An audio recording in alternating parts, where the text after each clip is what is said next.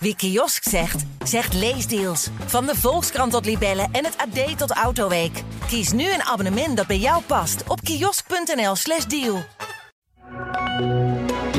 Dit is de AD Voetbal Podcast met Etienne Verhoef. De transfer Tombola komt op stoom. Versterkingen onderweg naar Alkmaar en Eindhoven, maar ook verrassingen in bijvoorbeeld München. En er schijnt nog wat wisselgeld te zijn in Londen. Ajax, hoe moet dat nu verder? De koppen bij elkaar houden of koppen rollen? En als je denkt, het kan niet moeilijker in Groningen. Nou goed, dit is de AD Voetbalpodcast van 31 januari. Transfer deadline dag. Uh, zoals je misschien wel bekend, we zijn er elke werkdag met de AD Voetbalpodcast. Iedere dag een andere watcher. Vandaag Johan Inan. Nog geen abonnee, vergeet je dat niet te abonneren. En een recensie of een beoordeling vinden we trouwens ook altijd leuk op Spotify of op uh, Apple Podcast. Um, Johan, ben jij een transfer deadline junkie? Jawel, maar meer als, um, als verslaggever, zeg maar. Want dan dan trek ik nog even uit de, alles uit de kast en dan um, raadpleeg ik al mijn, al mijn contacten, even een rondje maken van heb je nog dingen lopen en um, kan ik nog verwachten, heb je nog dingen gehoord? Ja, en dan um, rollen er altijd wel uh, dingen jouw kant op. Want ja, ik vind het wel leuk. Clubs die uh, in alle haast en soms ook in paniek uh, nog even alles uit de kast trekken om, om die selectie op, op peil te brengen. Om dan vaak ook een half jaar later te constateren ja, dat, dat het niet het beste idee was om die of die speler te halen. Eh, wat vind je dan nu het meest opmerkelijke van deze dag, die, die we hebben gehad, de maandag? Ja, bij PSV is het nu elke dag een, um, een verrassing. Hè? Dan, dan komt uh, Anthony Elanga uh, uit de hoge hoed. En dan blijkt het ineens Torgen Hazard te zijn die, um, die de aanval moet versterken. Nu, um, nu gaat Philip Max nog weg. En dan gaat Patrick van Arnold volgens mij eens vervangen worden.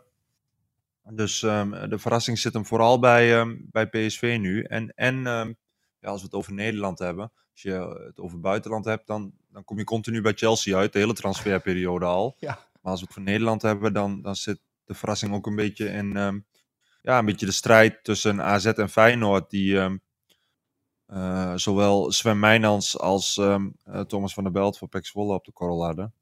Dus dat een beetje. Het is opmerkelijk dat een topclub als PSV, nou, die hebben natuurlijk ook twee spelers verkocht, maar dat daar nog zo druk is. Dan gaat Max ook nog weg. En dan heb je nog de mutatie mogelijk van Bakayoko, die dan naar Paris Saint-Germain zou kunnen misschien. Die, die ja. schijnen een bod voor te bereiden. Vond ja. ik ook opmerkelijk, waar dat ineens vandaan, uh, vandaan kwam. Ja, waarschijnlijk zien ze dat, er toch wat in. Ja, dat zal, dan, dat zal dan voor de langere termijn zijn, denk ik. Want het is een beetje, ja, wat is het, links, rechts, buiten dan um, moet dat over twee jaar de opvolger van Messi zijn, vermoed ik zo. Hè? Ja, dat lijkt me ook. Dat lijkt me logisch. Dus er is geen druk ook voor Bakayoko. Die kan dat prima aan natuurlijk. Maar goed, ja. dat is wel opmerkelijk toch, dat Paris Saint-Germain eens komt met die mededeling. Ja, maar er was nog geen witte rook op het moment dat wij uh, deze podcast opnemen. Nee, want hij speelde ook nog hè, met jong PSV. Ja, het vervelende eraan is, als je uh, als de grote clubs zijn, die op het laatste moment, die hebben natuurlijk zakken met geld. Zeker die clubs in Engeland en ook Paris Saint-Germain, die een, door een een rijke sheik geleid worden. Ja, die kunnen op de laatste dag nog even 20, 30 miljoen voor een speler neer, uh, neertellen. Maar daar zit je als, als Nederlandse club wel met een zak geld. Maar is het heel moeilijk om nog een, een capabele vervanger te vinden. Dus um, ik ben benieuwd hoe dat afloopt bij, bij PSV. Want ze hebben natuurlijk al twee, uh, twee aanvallers laten gaan. En Bakayoko, uh, ja, daarvan dacht iedereen, dit is, dit is een speler die nu Um, in navolging van Depay, Bergwijn en, en ook um, Cody Gakpo en Madueke. Uh, een paar jaar moet schitteren in het eerste elftal. En dan de volgende wordt die, um, die PSV de jackpot gaat opleveren. Maar ja, uh, daar wordt al eerder voor, voor aangeklopt. Daar, ja. zit, daar zit de verrassing vooral in. Thijs van der Brink, uh, PSV-supporter en presentator bij de EO op de, bij Nederland 1. Die zei op Twitter, kunnen we de club niet gewoon verkopen en met z'n allen uit eten gaan? Als suggestie, omdat er zoveel aanvallers worden verkocht op dit moment. Ik zag het, ja, ik moest er ook wel om lachen. Ah, goed, daar hebben we vaak over gehad, hè. Dat ik al, uh, ik zei hier ook al, met het verkoop van Gakpo en Madueke. Ja, heeft PSV de strijd om de titel wel een beetje, beetje opgegeven. Nu ook Torgan Hazard. Daarvan zou je zeggen van ja, jarenlang bij Dortmund gevoetbald, dat moet een directe versterking zijn. Maar goed, dat heeft ook wel even nodig. Doordat hij went aan het elftal, uh, uh, aan de staat, aan de club, de speelwijze daar gaat weer een paar weken overheen. Ja, het is, het is allemaal verre van ideaal. Ja, wat ben je zo over verbaasde? Eh, je haalt Max, uh, uh, verkoop je en dan haal je Van Aanhal terug. Dat is natuurlijk geen goedkope jongen, maar ook 32 jaar. Dus als je nou ja. als club juist probeert te bezuinigen op de afschrijving en dat soort dingen van, van salarissen, en dan, dan is dit natuurlijk wel een hele dure. Ja, en volgens mij zit het er ook in dat ze anders op die plek maar ehm, één optie hebben. En dat zou dan Mauro zijn. Maar die is geschorst. Ja. Die is geschorst, dat is één. Dan hebben ze die Oppegaard verhuurd aan, aan Go Ahead Eagles. Ja. Nou, Max dan weg. Dus je, je moet er een back bij halen. En het liefst eentje die de strijd aan kan gaan met Mauro.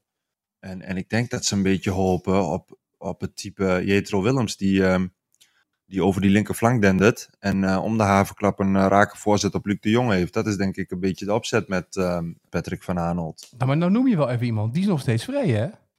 Wie? Jetro Willems? Ja. Is die ook fit? Nee, dat, dat weet ik niet. Ik zag hem toevallig pas weer twitteren dat hij bij, eh, volgens mij, de klassieker aanwezig was. Maar die jongen die is overal aan solliciteren om een club te krijgen. Maar het is ook opmerkelijk dat, dat je die nooit meer... Ja, eh, maar dan, dan is er ook wel eentje die er eh, die straks gaat toehappen. Geert Willems kan wel, eens, ehm, kan wel eens de volgende zijn die dan, ja, noem eens wat. Bij RKC hebben ze de neiging om spelers met een krasje ehm, binnen te halen en ook weer op te poetsen. Ja. Wie zal het zeggen? eh, overigens dacht ik mij, het is op deze hele transferperiode rustig om één man, rondom één man. Andries Noppert. Eh Andries dat, daar, heb, daar heb ik vandaag ook aan gedacht. ik hoor dat- niks dat meer we- erover. dat we na het WK ons allemaal toespitsten op één persoon. Dat was Andries Noppert. Want ja, weet je, de keeper van, van Heerenveen. ehm, die nuchtere stucador zou ik haast zeggen. Die, ehm, ja, die, die moest en zou een transfer gaan maken. De vraag was alleen waar naartoe. Maar ehm, dit was het moment om, om, ehm, ja, om zijn goede WK te verzilveren. Zowel voor Heerenveen als voor hem. Maar ehm, ja, het lijkt erop dat, dat hij blijft. Dat is ook geen, geen straf voor Heerenveen. En, en die hebben natuurlijk met, met Amin Sar... hebben ze nu ook weer een... ja, een beetje een Ejuke of Soleimani transfer gemaakt voor 12, 13 miljoen euro. Dus de noodzaak die is er daar, daar ook niet echt meer. Ik denk dat, ehm, dat Kees Verwonder het helemaal niet erg vindt. Nee, dat denk ik ook niet. Nee, En- En ik ook niet. Nee. Ik ook niet, want eh, ik vind het wel een leuke verschijning. En eh, wel mooi om eh Andries Noppert nog te blijven zien keeper in de Eredivisie en af en toe ook voor de camera te zien verschijnen. Ja. Dus dat, is, dat is prima zo. Dan moet hij maar even de vorm doortrekken en in de zomer naar Middlesbrough of wat zal het zijn? Coventry City. Er is in de Eredivisie een strijd gaande met de ploegen bovenin, hè, die dicht bij elkaar staan. Ook op het gebied van de transfers is er een strijd gaande. Ja. Sven Meijnans, we noemden het al eventjes. AZ en Feyenoord zaten achter hem aan. Onder andere. Ja. Maar het lijkt toch Ja. AZ te worden. Ja, en bij Thomas van der Belt is wat ik heb begrepen het tegenovergestelde gebeurd. Dat, dat AZ er lange tijd eh, achteraan zat. Maar op een gegeven moment ook vernam dat, dat Van der Belt heel graag naar, eh, naar Feyenoord wilde. Dat heeft ook met, met de goede contacten van aan de slot met zijn vader te maken. Ehm, en Mijnans de, eh, de omgekeerde route. En AZ heeft er sowieso een handje van. Hè. Zo hebben ze Tijani Reinders ook bij Zwolle opgepikt. Ik geloof nu een jaar of vijf, eh, vijf geleden. Toen was die, speelde hij daar nog op amateurbasis. Maar ja, die, die werden getipt in Alkmaar. Zo van, ehm, deze speler is eh, voor vrijwel noppers op te halen. Zijn een keer gaan kijken, hebben hem rondgeleid. En, en toen werden ze bij Pek Zwolle pas wakker. En hadden ze, ehm, hadden ze zoiets van, ja, misschien moeten wij die ook maar een profcontract aanbieden. Maar ja, die jongen die had al een, een rondleiding gehad in, in Alkmaar. En die was al verkocht. Dus, dus dat kwam te laat. En dan verdiende Pek Zwolle vrijwel niets aan. Nou, Van der Belt, die zal Pek Zwolle nog wel iets op gaan leveren. En ehm, ehm, wat, eh wat Mijnans Sparta gaat opleveren, was me nog niet helemaal bekend. Een paar miljoen zal het wel zijn, denk ik. Dat denk ik ook zomaar, ja. Maar goed, dan, dat is op zich eh, voor Sparta een mooie verkoop. Maar ook eh, wel mooi dat die clubs ook bovenin elkaar allemaal een beetje bestrijden om die Nederlandse talenten. Want iedereen wil toch dat Nederlandse bloed erin hebben. Ja, ja nou precies dat. En, en eh, ik wou dat ze, daar hebben we het ook vaak over gehad, hè, met Thijs Dallinga. Ik wou dat ze daar hetzelfde deden. En dat hij niet naar bijvoorbeeld Frankrijk ehm, eh, zou vertrekken. Ik denk dat, ik denk dat dit ook de route is. Dat, dat als je aan de onderkant van de Eredivisie of de bovenkant van de uh, keukenkampioen-divisie, dan wil ik Sparta nu niet tekort doen, want die staan natuurlijk heel mooi in de subtop. Maar is normaal gesproken ook een degradatiekandidaat. Dat spelers die daar doorbreken, dat die eerst nog een tussenstap maken naar de Nederlandse top en van daaruit hun geluk in het buitenland gaan beproeven. Ja, is het opmerkelijk dat AZ uh, Feyenoord aftroeft nu met Mijnans? Ja, dat, dat weet ik niet. Want um, uh, dan zouden we moeten, uh, zeker moeten weten dat, dat Feyenoord alle, er alles aan heeft gedaan om, om hem binnen te halen. Het kan ook zijn dat, um, ja, dat Feyenoord op een gegeven moment is doorgeschakeld naar Thomas van der Belt, om, om iemand te noemen. Of dat het verband hield met de blessure van Quinten Timber, die weer eerder terug is. Dus dat durf ik niet helemaal met zekerheid te zeggen. Maar ehm, ja, andersom kun je ook stellen, want ik weet dat, dat AZ echt serieus met Thomas van der Belt bezig is. Is het dan opvallend dat Feyenoord AZ aftroeft? Ja, nee, ook dat. Nou goed, het is wel mooi dat deze ploegen die bovenin staan in de Eredivisie elkaar ook met deze voetballers bestrijden. Het is wel interessant om te zien natuurlijk. Ja, Even een buitenlandse uitstapje maken. Eh, is de, eh, want we hadden het net over de transfers die Chelsea doet.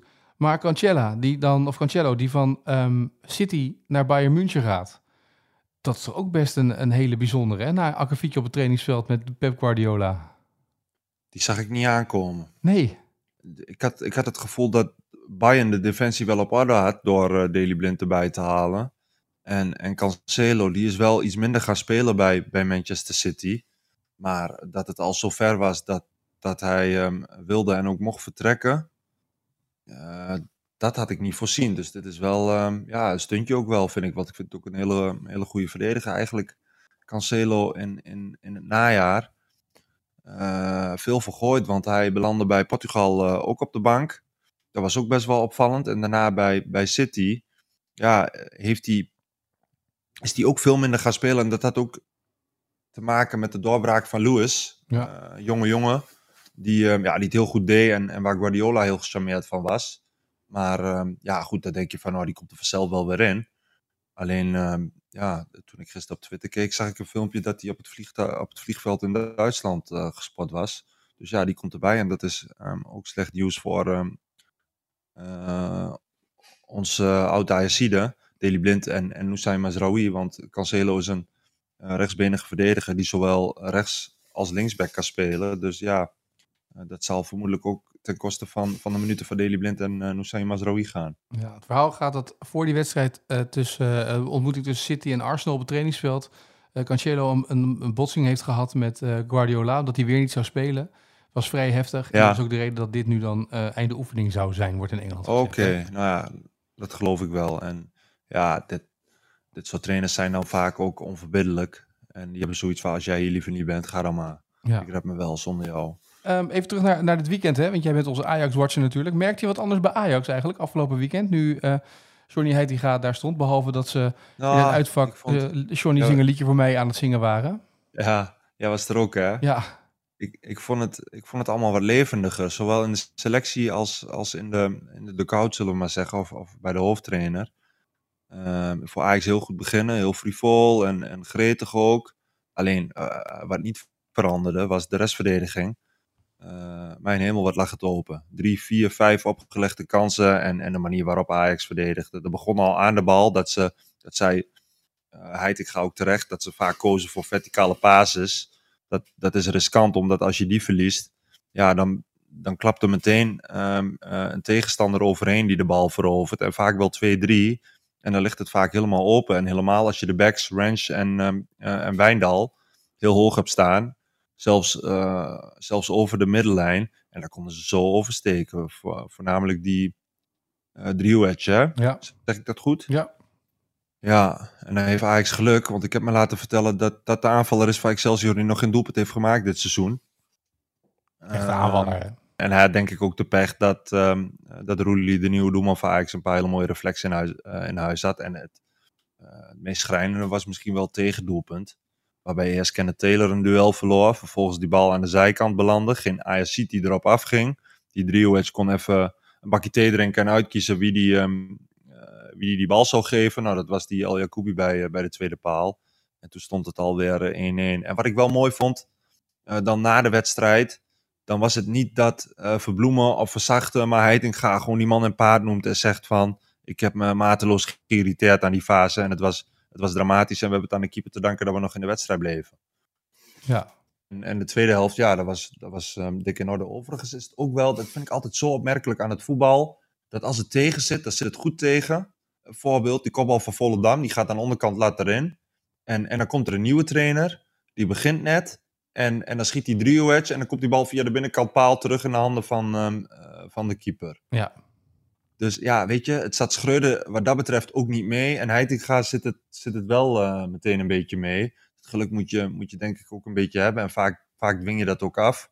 Maar um, ja, ik vond um, Ajax verdedigend niet per se beter. Maar aanvallend zag het er wel beter uit. Ja, maar zorgt die overwinning er nu voor dat uh, voor Heitinga een prettig beginnen, maar dat ook een beetje de druk bij Van der Sar wordt weggehaald nu tijdelijk?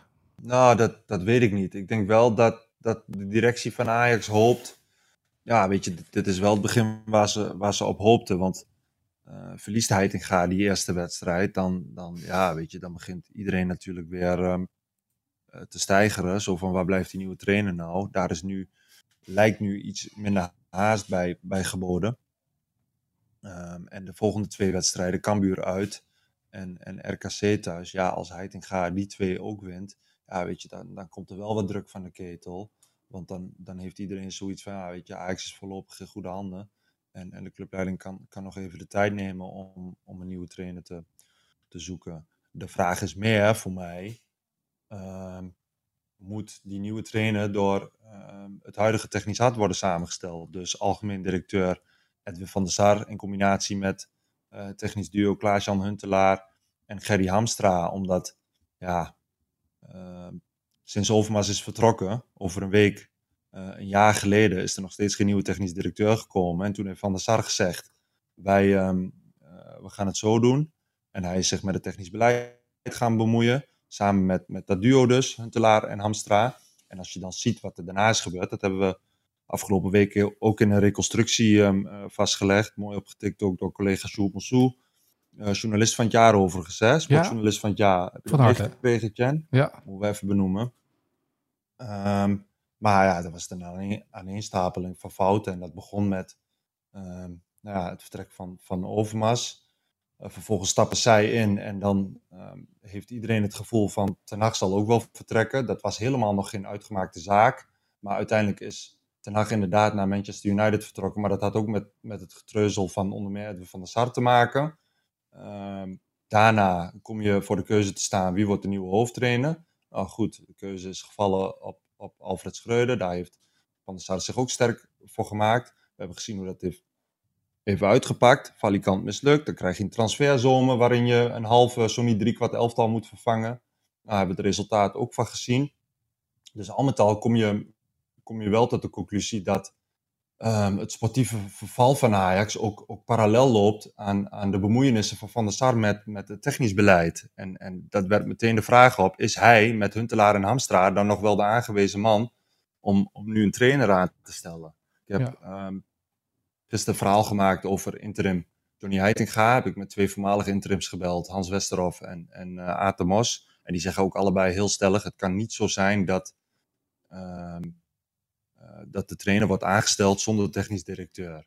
Dus, dus dat, stel dat Ajax nu um, over twee weken een trainer uit het buitenland haalt. En dan haal je vervolgens haal je een technisch directeur. En die komt er na drie weken weer achter van: hé, hey, deze trainer, uh, dit is helemaal geen Ajax-trainer. En die moeten we niet hebben. Om vervolgens in de zomer maar weer afscheid te nemen. Dus ja, weet je, die, die volgorde die klopt ook niet. Ik denk dat Ajax nu um, uh, vooral gebaat is bij rust. En uh, het lijkt mij ook helemaal niet verkeerd om, om Johnny Heitinga, ondanks dat hij nog niet heel ervaren is, om tegen hem te zeggen van jij maakt het seizoen af en dan ligt de prioriteit niet bij uh, de positie van, van de hoofdtrainer. Maar de komende maand, twee, die moet je dan uh, vol gaan benutten om een technisch directeur aan te stellen. En die moet vervolgens maar beslissen, is bijvoorbeeld Heitinga capabel genoeg? Of heeft hij zelf nog een trainer met wie hij heel graag samenwerkt en van wie hij het gevoel heeft dat die Ajax weer grote grote hoogte. Dat moet de volgorde zijn en niet um, uh, dat technisch hard, de trio, um, ja, die uh, het afgelopen jaar toch ook uh, mede verantwoordelijk zijn voor het sportieve verval, dat die ook nog eens um, een nieuwe trainer gaan aanstellen. wat Ajax ook weer heel veel schade kan berokkenen. Nou, wat opmerkelijk is dus hierin, in dit verhaal wat je nu schetst. Uh, Heitinga zit hier tijdelijk. Als ik Heitinga hoor, dan zegt hij ook... ik ga niet meer trainer worden van Jong Ajax. Ik heb een contract getekend bij Ajax om uiteindelijk bij de eerste selectie de trainer te zijn. Maar nu is hij de hoofdtrainer. Doet hij dan een stap terug ja. als assistent? Of dat is ook wel, een, je kan hier ook zeggen, als er zo'n TD binnenkomt, die gaat zijn eigen trainer aanstellen. Daar komen eigen mensen bij natuurlijk ja. bij een trainer. Ja, ook. Dus ook ja. Dan, dan neem je ook alweer een gok mee natuurlijk. Ja, en daar heb ik ook aan zitten denken. Dat, dat stel dat je nu een trainer aanstelt, een buitenlander, en die zegt, ja luister, ik wil het wel doen. Maar dan wil ik deze drie mensen meenemen. Ook omdat ze mijn taal spreken. Eentje is de, ik noem eens wat, de Nederlandse taalmachtig. En, en misschien heb je dan um, uh, in de staf, in de technische staf, kom je er wel achter dat, dat alle huidige assistenten eruit moeten. Terwijl je uh, Heitinga al de toezegging hebt gedaan, ehm, dat hij de rest van het seizoen assistent blijft. En, en neemt die ehm, nieuwe trainer eigen assistenten mee, dan kun je de, eh, de klok op gelijk zetten dat dus eh, Michael Reiziger en of Richard Witsche gaan sneuvelen. Ja. Want je gaat niet in, met een staf werken met, met ehm, één hoofdtrainer en zes assistenten, om maar wat te noemen. Nee. Wat in jouw verhaal waar je het over had, hè, wat, jullie, wat je hebt geschreven met Sjoerd ook, ehm, eh, ook naar voren kwam, is natuurlijk die, die hele soap, eh, niet alleen rondom de trainerbenoeming, maar ook rondom de technisch directeur. Want eh, de Raad van Commissarissen, de voorzitter daarvan, was rond met Alex Kroes, eh, de oude eigenaar Ja. van Go Ahead Eagles. Eh, maar die is op vakantie eh, en denkt, ik ga daarna beginnen. En dan ineens eh, hoort hij hoe het dan Ja. wordt geregeld door Van der Sar en heel anders wordt gedaan uiteindelijk. Dat is natuurlijk ook wel een beetje, eh, dat getuigt ook niet echt van standvastigheid binnen de Raad van Commissarissen. Nee, en die, die hebben het tegengehouden. Hè? En, en daardoor, ja, weet je, kijk, als je dat doet, ehm, omdat je volste vertrouwen hebt in het duo ehm, Hamstra en Huntelaar ook, en in jezelf, laat tot daaraan toe. Maar vervolgens krijg je een half jaar, acht, negen maanden, waarin het voor geen meter loopt. Waarin ehm, eh, miskopen worden genoteerd, waarin spelers beginnen te muiten, waarin eh, een clubicoon eh, keihard en lelijk wordt, wordt afgeserveerd.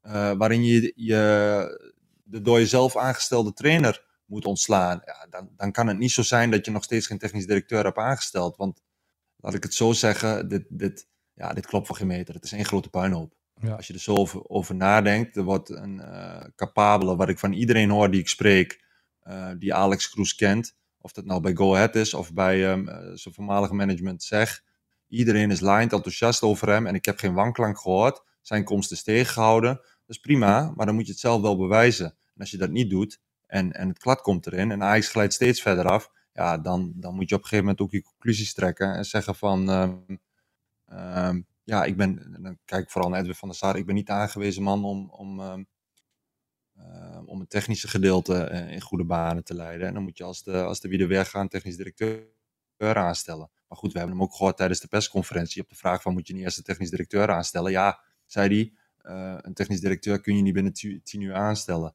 Alsof hij tien uurtjes heeft. Hij heeft een jaar gehad. Ja. Er is helemaal niks gebeurd.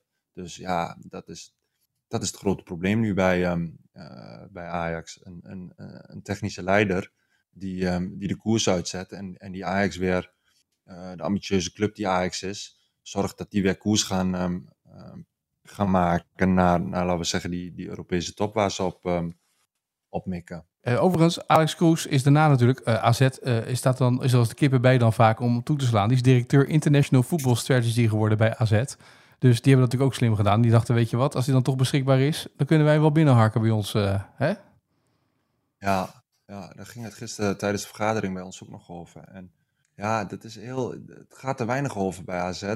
Maar eh, ik denk dat die snode en grote plannen hebben en dat we daar de komende jaren, ehm, eh, dat we gaan zien wat, wat ze precies voor ogen hebben en hoe ze meer geld willen gaan, gaan genereren. Maar dat ze dat uitgerekend nu doen, die directie uitbreiden met, ja, met gewoon een hele, eh, een hele slimme bestuurder. Dat is ook geen toeval, hè? want de komende jaren krijgt Nederland waarschijnlijk twee vaste Champions League tickets. En daar wil, eh, wil AZ gewoon bij zitten. En daar heeft denk ik de komst van Kroes ook mee te maken. Overigens, Etienne hebben we Ajax genoemd in verband met Kroes. Hij is nu naar AZ gegaan. Maar wat ik begreep, kon hij, eh, had hij meer opties om in de, nog meer opties om in de top van Nederland aan de slag te gaan. Ja.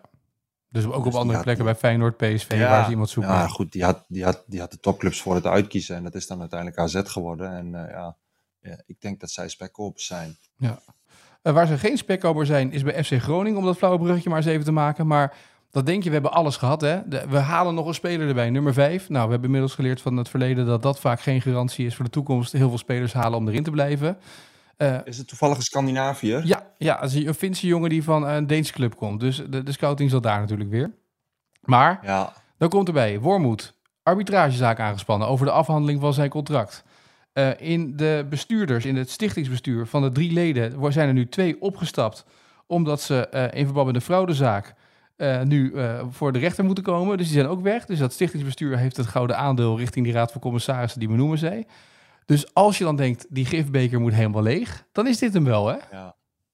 ja, en het een houdt ook vaak verband met het ander. Omdat als het slecht gaat, ja, dan gaan journalisten ook wat meer graven. En als ze meer graven, ja, dan is de kans groot dat ze, ja, dat ze meerdere misstanden aan de kaak stellen. En dat is nu eh, precies wat er bij, bij Groningen gebeurt. Ja, opmerkelijk ook dat Het een gaat. beetje... Ja, het is... ehm, ja, dat vind ik ook verwonderlijk. Dat, dat Mark-Jan Vladeres daar nog gewoon zit. Terwijl ehm, hij de populaire Danny Buis eh, op straat heeft gezet. Of in ieder geval zijn contract niet, niet, niet heeft verlengd. Eh, hij moest in Saal met, met Frank Wormoed, met wie hij bij Heracles al had gewerkt. Ja, die moest naar Groningen komen. Ook dat ehm, eh, bleek een enorme mispeer. Dan wordt nu wordt Dennis van der Ree aangesteld. Er zijn, eh, eh, ik denk dat Groningen eh, de club is met, met zo'n beetje de meeste mutaties de afgelopen jaren. Ehm, en, en als je kijkt naar de ranglijst, ze glijden alleen maar, alleen maar verder af. Maar ehm, ja, het is ook een beetje een jonge directie met, met ook Wouter Gudde erbij. En ik kan, me, ik kan me niet aan de indruk onttrekken dat ze wel wat ervaring kunnen gebruiken. Ja. Benieuwd hoe dat, hoe dat daar gaat lopen. Overigens, heb je de, de UEFA gezien? Eh dat tweetje De Uber ja, dus voor, voor mensen die voor Ajax zijn, ik zou dat tweetje gewoon nog even bekijken, zeg maar, als het even tegen zit. Dat ze al acht wedstrijden op rij in Ja. alle competities ongeslagen zijn of niet verloren hebben. Ja, ja, het goed hè. Ja. Ik, denk dat, ik denk dat ze die in de arena ophangen. Nee, gekheid, ja. Ik denk dat het ook onbewust is hoor van UEFA. Dat ze, dat ze het echt als iets positiefs zien. En, ehm, en helemaal niet, eh, want het is geen Ryanair die continu met dolletjes maken en, en, eh, zelfsport hebben. Nee. Maar eh, ja, nou ja, ik denk dat, dat bij Ajax, dat ze liever twee jaar verloren en de rest hadden gewonnen. Maar goed. Dat denk ik ook. Ehm, het einde van de podcast is in zicht, Johan. En dat betekent dat wij, eh, zoals altijd, De vraag van vandaag. de vraag van vandaag hebben. Eh, jij krijgt weer een vraag. eh gisteren voorgeschoteld door eh, Maarten Wijfels. En dit is die vraag. Eh, Mijn vraag gaat over eh, John Heitinga. Het is toch een beetje weer een eh, debuterende trainer dit weekend. Ehm, eh, dus hij debuteert nu als trainer in de Eredivisie. Maar in welke wedstrijd debuteerde hij als speler in de Eredivisie? En dan wil ik gewoon de wedstrijd. En laten we er ook de uitslag bij doen. Nou, dat is voor jou een uitdaging, denk ik, of niet? Of had je hem? Nee, Hm? nee, en dat komt door jou, Etienne. Oh. Jij hebt, eh, jij hebt de twitteraars en de luisteraars aangespoord om, om ons gerust eh, van de antwoorden te voorzien op Twitter. Dus ene Jeroen, Ja. eh Ed die eh, heeft mij van het antwoord voorzien. En ik moet eerlijk zeggen, ik had het niet geweten. Het was Feyenoord-Ajax. Als Joene het gelijk, als Joene gelijk heeft. En dat werd 1-2. Hij kwam erin voor Shota Arveladze. In welke Dat klopt, minuut? hè? Ja, en hij zei nog bij minuut 70, doelpunten van Ibrahimovic en 70. Van der Vaart. En ik zei nog erbij tegen Maarten, moet hij ook de doelpunten nog over de toeschouwers weten, Johan? Toen zei hij, nee, nee, nee, Ja, maar 42 Jeroen had keurig neergezet. 42.000. 42.000, Ja. ja. vond ik Eervolle mooi. vermelding voor Jeroen. Excuus aan, aan Maarten voor mijn, eh, voor mijn cheaten. Maar Nou. blame it on Etienne. Het is allemaal zijn schuld. Prima, eh, heel goed. Eh, nou ja, dan mag jij aan de sportjournalist van het jaar de vraag stellen voor morgen. Dus eh, we moeten een mooie vraag hebben. Oeh, en dat moet dan ook een moeilijke zijn natuurlijk, hè? Nou, hij had vorige keer altijd geklaagd dat hij een hele moeilijke vraag kreeg. Dus Ja? ja, dus je kan het te makkelijk maken als om de huldiging een beetje... Hè?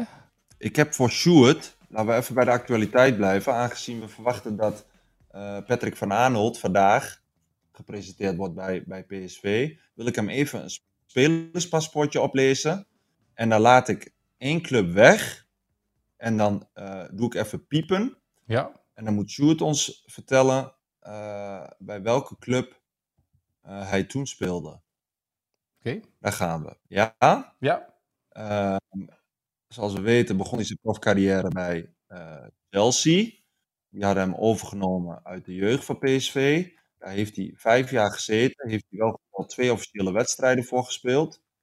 Toen werd hij verhuurd achtereenvolgens aan Coventry City, Newcastle United, Leicester City, Wigan en, mag de één club natuurlijk niet ontbreken, Vitesse.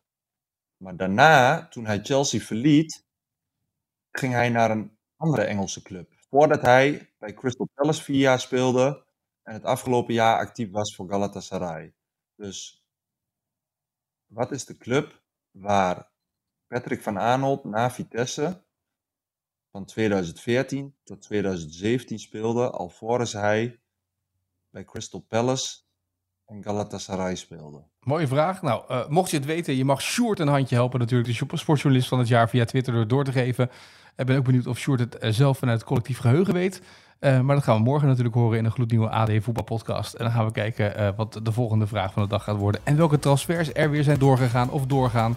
Want is dan echt de laatste transfers die die dag gemaakt worden. Verwacht u nog een sensatie en verrassing? Ja, er is er altijd wel een, hè? Ja, de zogeheten buitenkansje. Maar goed, die mag je morgen met, ehm eh, met Sjoerd doornemen. Heel goed, gaan we dat doen. Johan, dankjewel. Ik wens je een mooie dag. Wie kiosk zegt, zegt leesdeals. Van de Volkskrant tot Libellen en het AD tot Autoweek. Kies nu een abonnement dat bij jou past op kiosk.nl/slash deal.